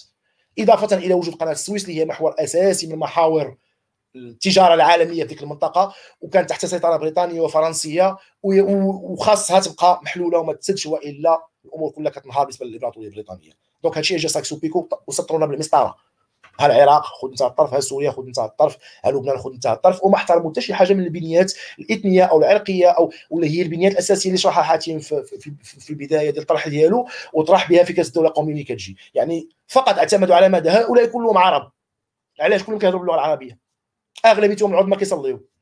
اغلبيتهم العظمى مسلمين. ولكن ان كاين مسلمين كاين فيهم سنة فيهم شيعة فيهم اباضيه فيهم أحمدية فيهم روية ديال المذاهب. ونساو أنهم عرب فيهم آه، قبائل عديده شمر الحويطات سميتو سعود آه، القبائل الهاشمية. مئات القبائل الموجودة تما تم تقطيعها تخيل أن كاين قبائل اللي بقات آه، العائلة طرف منها في سوريا وطرف منها في العراق أو طرف منها في السعودية أو مثلا قبيلة شمر. قبيلة شمر التي تخوض جزء منها كبير جدا انضم إلى داعش ويخوض حرب ضد الحكومة العراقية. راه الامتداد ديالها غادي حتى السعودية حتى شمال اليمن. تخيل معايا. وقع مقطوعه أن طرف منهم سعودي وطرف منهم سوري وطرف منهم عراقي بزز فهمتي ولا؟ donc المسألة هنا أن الاستعمار لو لم يأتي سايكس وبيكو وحددوا هذا التمثيل هذا كامل وطرحوه بالمسطرة فربما في تصور كما قلت لكم السيناريو الآخر المقابل إلى عطاو شريف الحسين بن علي شريف مكة أنه يكون ملك هذيك المنطقة من جنوب تركيا حتى خليج عدن. فربما أن الشريف حسين العالم العربي كله في ذيك المنطقة ديك الشعوب كلها غتنوض ضده. علاش؟ لأنه هو سني من القبيله الهاشمية. هنا خاص تشوف أن الإسلام داخل في الفيلم كامل من الأساس. من كاع الجهات. هو من قبيلة هاشمية يدعي الشرف لأنه ينتمي للقبيله الهاشمية التي من نسل الرسول من نسل محمد. شكون غيقول أن الشيعة يقبلوا بأنه يحكم؟ شكون غيقول أن مثلا أن الاباضيه قبلوا بيحكم شكون غيقول مثلا أن الكلدانيين أو الآشوريين أو المسيحيين أو المارونيين في لبنان مثلا أو الأرثوذكس أو الأرمن أو الشراكسه في الأردن غيقبلوا بانه يحكم؟ شكون يقول أن اليهود الذين وطنهم الإمبراطور واحدة من الأشياء اللي ما كيذكرهاش عاوتاني الاخوه المسلمين في إعلامهم أول توطين لليهود في أرض فلسطين لم يتم إلا بإذن السلطان عبد الحميد الثاني الذي سمى نفسه بالخليفة. لقاء المال مسلم له من طرف تيودور هيرزل من طرف الوكالة اليهودية.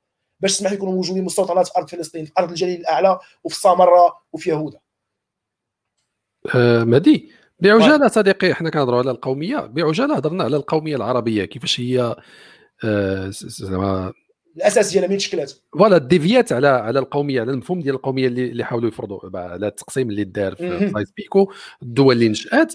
المحاولة ديال انه هذا الشيء اللي, اللي بالنسبة لي أنا كان بحال contre-attaque بالنسبة لديك التفتيت اللي وقع بغاو يعاودوا يوحدوا عاوتاني الدول تحت واحد المنظومة تصور جديد عربيه آه. وباقي لك خمسة دقائق donc حاول تلخص. bien sûr القومية العربية مشكلتها الأساسية وأنها كانت نتاج طبيعي للحرب الباردة اولا والتصورات الأوروبية التي دخلت العراق ودخلت لسوريا وتشكل التصورات الفكرية السياسية الأوروبية الفكرية اللي جات من من ألمانيا النازية وجات من إيطاليا الفاشية وجات من فرنسا الديمقراطية أو الكاثوليكية أو التصورات كلها تميكسات ودخلت للعالم العربي لأن كان انتداب بريطاني وكان انتداب فرنسي في المنطقة donc كانت الكتب كتدخل كانوا الأدباء كيجيو الفلاسفة كيجيو كانت حركة استشراق كانت ترجمة للكتب donc بدأ كيدخل فكرة اليسار فكرة أن الدولة القوميه الأساس ديالها هو الانتماء لعرق واحد أو للغة واحدة بدأت التصورات الأولى مثلا اللي سبت تشكل حزب البعث على يد صلاح البيطار وميشيل عفلق في 1947 التصورات الأولى اللي شكلت مثلا فكرة الضباط الأحرار في مصر على يد جمال عبد الناصر والزملاء ديالو الرئيس محمد نجيب اللي قاموا بالانقلاب ضد ضد ضد الملكية في مصر. دونك بدأت التصورات القومية الأولى كتشكل تحت تصور يساري بالدرجة الأولى لواحد المعطى أساسي خصني ما ننساش نذكروا اللي هو إسرائيل. إسرائيل كانت النبته الشيطانيه في المنطقة التي زرعها الغرب باش يكون عنده حاميه طائرات متقدمه كما قلت في المنطقة يفرض بها القيم ديالو وباش تكون عنده يد يقدر يسيطر بها على هذوك الناس كاملين. دار لهم شرطي في المنطقة لأنه عارفهم ان باش نقولها بصراحة كلهم براهش كلهم بعالك كلهم مفروحين يقدروا يطيفوا على زنقة وشارع ينوض يدير ميليشيا ويعلن فيها الضاحيه آه، جنوبية لبيروت حزب الله دوله وسط الدولة. هذوما العرب باش نكون واضح العرب تحديدا هما هذو دونك إسرائيل وجودها في المنطقة لم يكن إلا لينتج تلك القوميه العربيه التي رايناها عند حزب البعث والتي رايناها عند الناصريين اللي عندها هدف أساسي اللي هو مقاومة الوجود الشيطاني الإسرائيلي في المنطقة رمي اليهود إلى البحر كما كان يقول عبد الناصر في التصور ديالو. وهذا كان في انفصال على الواقع لأن إسرائيل لم تكن بالدولة التي من السهل أن تقوم بهذا العمل معها. 67 5 يونيو إسرائيل محقت كل هذه الأحلام وسحقتها على الأرض. بزاف الناس كيسمعوا الهضرة غنقولها ما غيعجبهمش الحال ولكن هذا التاريخ انساق التاريخ لا يمكنك تجاوزه لأنه واقع على الأرض. عبد الناصر بكل بساطة. هو شخص جدير بالاحترام لا يمكن هذا. ولكن كما كنقولوا كنقولوا بالفرنسية وغنبسطها مزيان.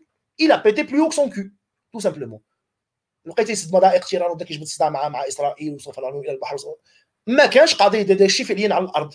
وكان التصور ديالو على الجيش ديالو على القدرات العسكرية ديالو خاطئ تماما. لدرجة ان علاش الحرب سالت سالت ست أيام لأن إسرائيل ناضت طبقات خطة اللي هي مجهزة في المجورة ديالهم ربما 20 سنة من قبل. محقات بها التصورات كاملة ديال القومية العربية والناصرية. هنا القومية العربية بعد ما كانت بدات في واحد الفترة بعد العدوان الثلاثي هي الوحدة بين مصر وسوريا وإمكانية ضم العراق إلى هذه الوحدة واليمن أيضا كانت تصورات الوحده تمات بين مصر وسوريا وتسمات المده من الزمن لولا بزاف ديال المؤامرات اللي دخلت فيها المخابرات الأمريكية ودخلت فيها إسرائيل ودخلت فيها بزاف ديال الدول خربقات ذاك الوحدة حتى انفصلت. وتحديدا هنا تبت فشل فكره أن كان بالإمكان إقامة دولة عربية كبرى في المنطقة علاش؟ لأن الوحدة العربية بين سوريا ومصر شنو تم؟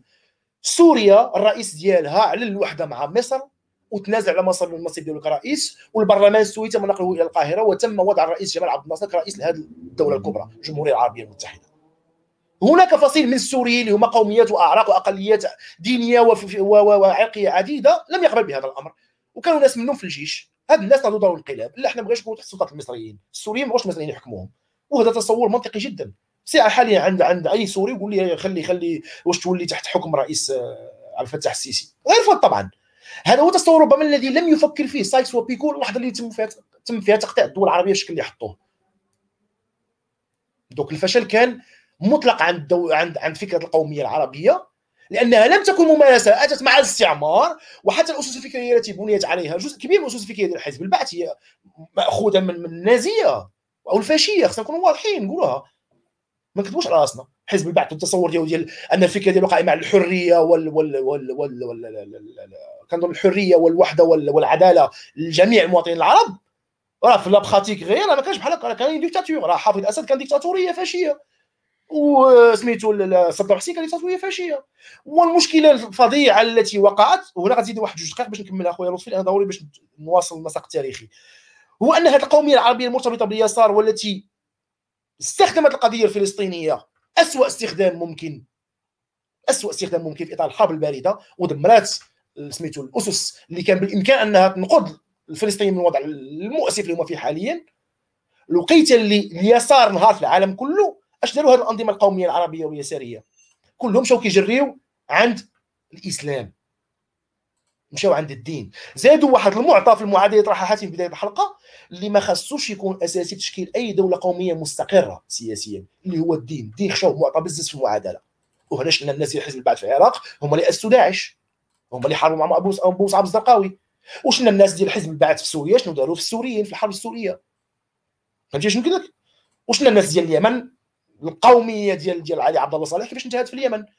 وشنا القومية الجزائرية؟ كيفاش انتهت في الجزائر؟ برئيس مقعد presque zombie حاكم بلاد فيها طاقات هائلة مرعبة.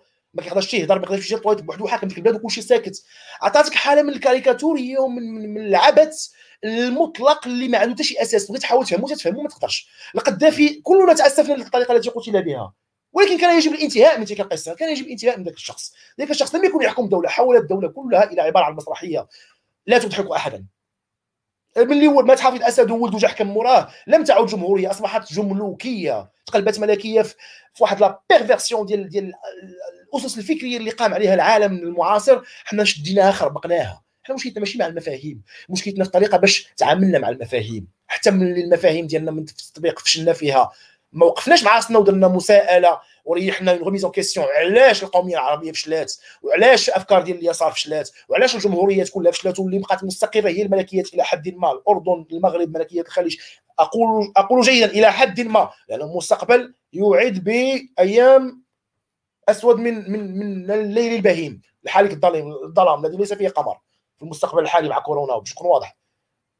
هذيك اللحظة مشاو دخلوا الإسلام في المعادلة وهم يريبوا الحفلة على الجميع ولات عندنا داعش ولات عندنا القاعده ولات عندنا ولات عندنا. voilà صديقي. OK صديقي شكرا. دابا غنطرح سؤال على غادي نختموا الحلقة دابا خمسة دقائق يعني باش ما غاديش نطولوا. سؤال سؤال تمهيدي للحلقة الجاية حاتم.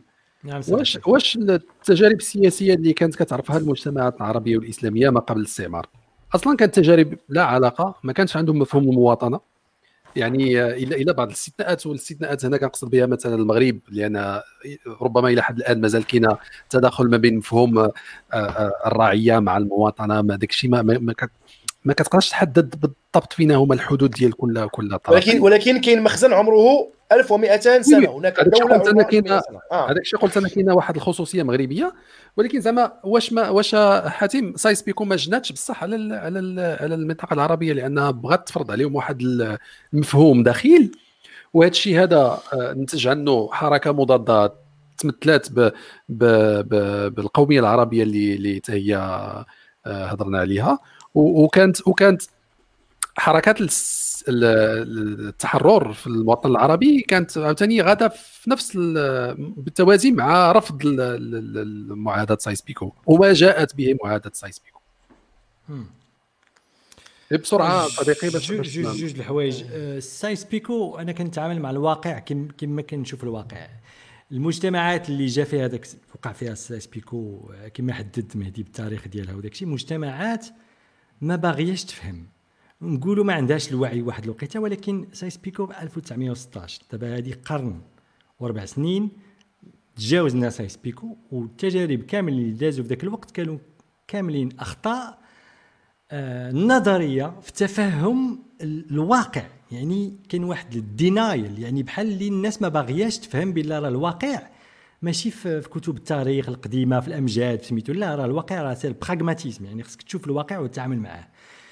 وهنا فين كيبان لي عدم جو رجوان مهدي في هذه القضية عدم الوعي بخطورة المشكلة واستهتار بصعوبة الموقف. يعني الموقف صعيب والناس ما مسوقاش donc كيبان لي la maturité ديال هذوك les sociétés ما تغيرتش كثير في الوقت في هذا الوقت اللي داز والتجارب كامل اللي يعني شفنا لحد الآن إلى حدود داعش والحرب في سوريا وداك الشيء كتبين بأن هذوك الناس يعني الوعي ديالهم ما وصلش لواحد الدرجة أنهم يقدروا يقلبوا الطبلة.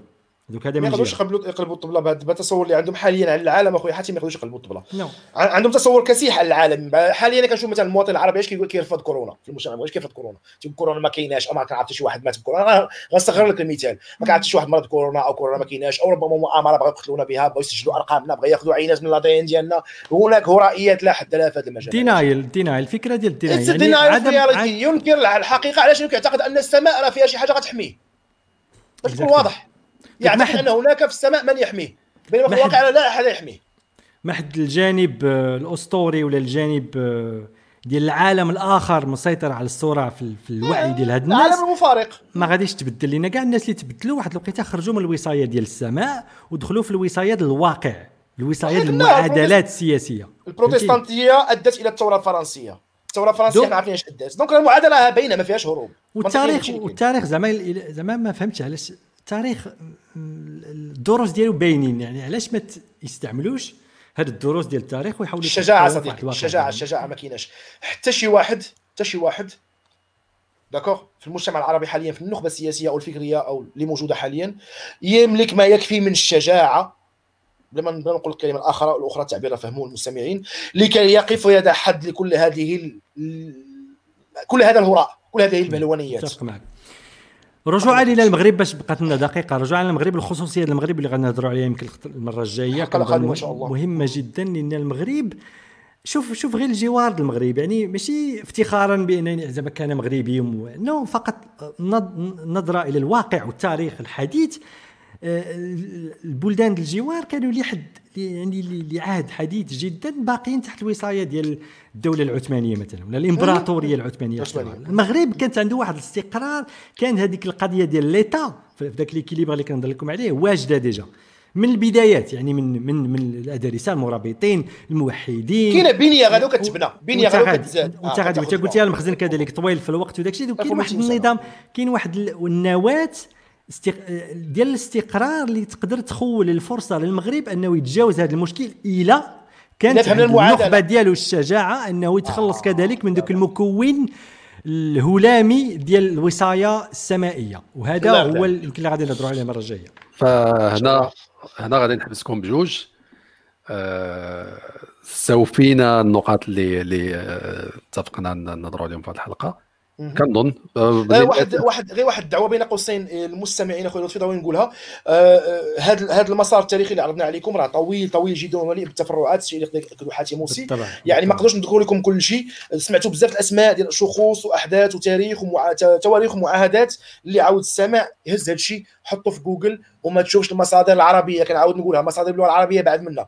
اذا كتهضر بالفرنسية أو بالإنجليزية شوف مصادر اللغة الفرنسية أو اللغة الإنجليزية لأن فيها الكثير من الموضوعية. المصادر العربية ما فيهاش الموضوعية وغتزيد تلفك وطبعا صديقي وحنا البرنامج ديالنا راه ماشي محاضرة في, كلية باش تعطي انت آه بيان سور تاريخية. يعني إحنا نقاش كنهضروا فيه تاريخيا وكنحاولوا نعطيو الرؤية ديالنا والفهم ديالنا للأمور.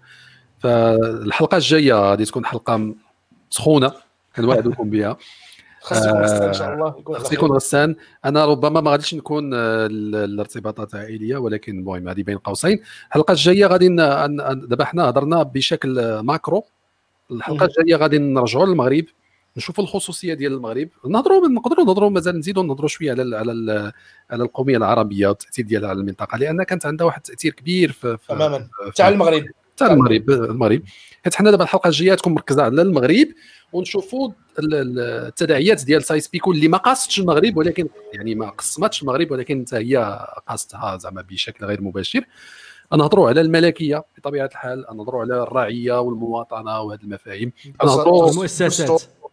نهضروا على المخزن غادي نهضروا على الإسلام غادي نهضروا على على بزاف ديال ديال المشاكل. هنا غادي يكون داك الشيء كيهمنا حنايا بالدرجة الأكبر.